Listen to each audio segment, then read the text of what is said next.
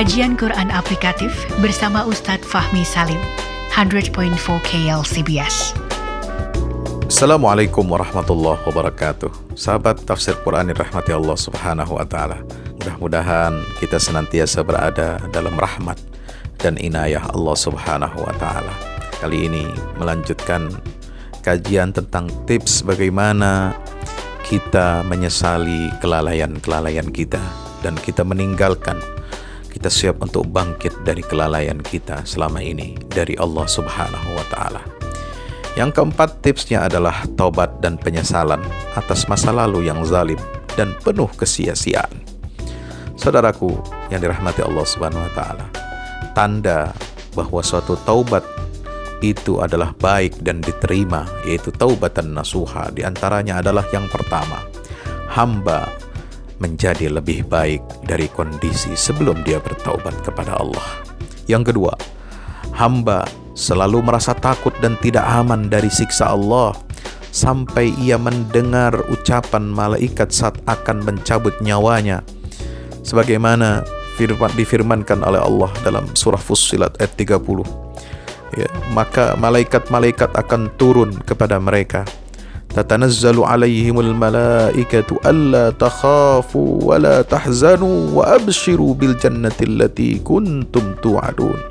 Sampai malaikat mengucapkan kalimat inilah. Baru dia merasa tenang dan aman dari siksa Allah yaitu ketika malaikat-malaikat itu turun kepada mereka yang istiqamah dalam imannya Janganlah kamu merasa takut dan janganlah kamu bersedih hati dan bergembiralah kamu dengan memperoleh surga yang telah dijanjikan Allah kepadamu. Yang ketiga, ciri suatu taubat itu baik dan diterima oleh Allah adalah ketika hati hamba itu teriris-iris dengan rasa penyesalan dan rasa takut akibat taubat dari dosa-dosanya Allah Subhanahu wa taala berfirman dalam surat At-Taubah ayat 110. لا يزال بنيانهم الذي بنوا ريبة في قلوبهم إلا أن تقطع قلوبهم والله عليم حكيم Bangunan yang mereka dirikan itu senantiasa menjadi penyebab keraguan dalam hati mereka sampai hati mereka hancur dan Allah Maha mengetahui, Maha bijaksana. Tidak diragukan lagi kata Allamah Ibnul Qayyim Al-Jauziyah dalam kitabnya Madarijus Salikin juz 1 halaman 192 sampai 193 tidak diragukan lagi bahwa rasa takut yang sangat dalam terhadap siksa Allah itu melahirkan hati yang hancur berkeping-keping. Inilah hakikat taubat. Saat hati seorang hamba itu hancur karena penyesalan yang mendalam dan karena khawatir akhir hidupnya ini buruk atau sul khatimah. Kalau ia tidak hancur hatinya di dunia, maka akan hancur kelak di akhirat saat semua fakta amalnya dibentangkan oleh Allah dan dia menyaksikan langsung pahala orang-orang yang taat dan dan siksa para pelaku maksiat. Maka hatinya akan hancur baik di dunia maupun kelak nanti di akhirat.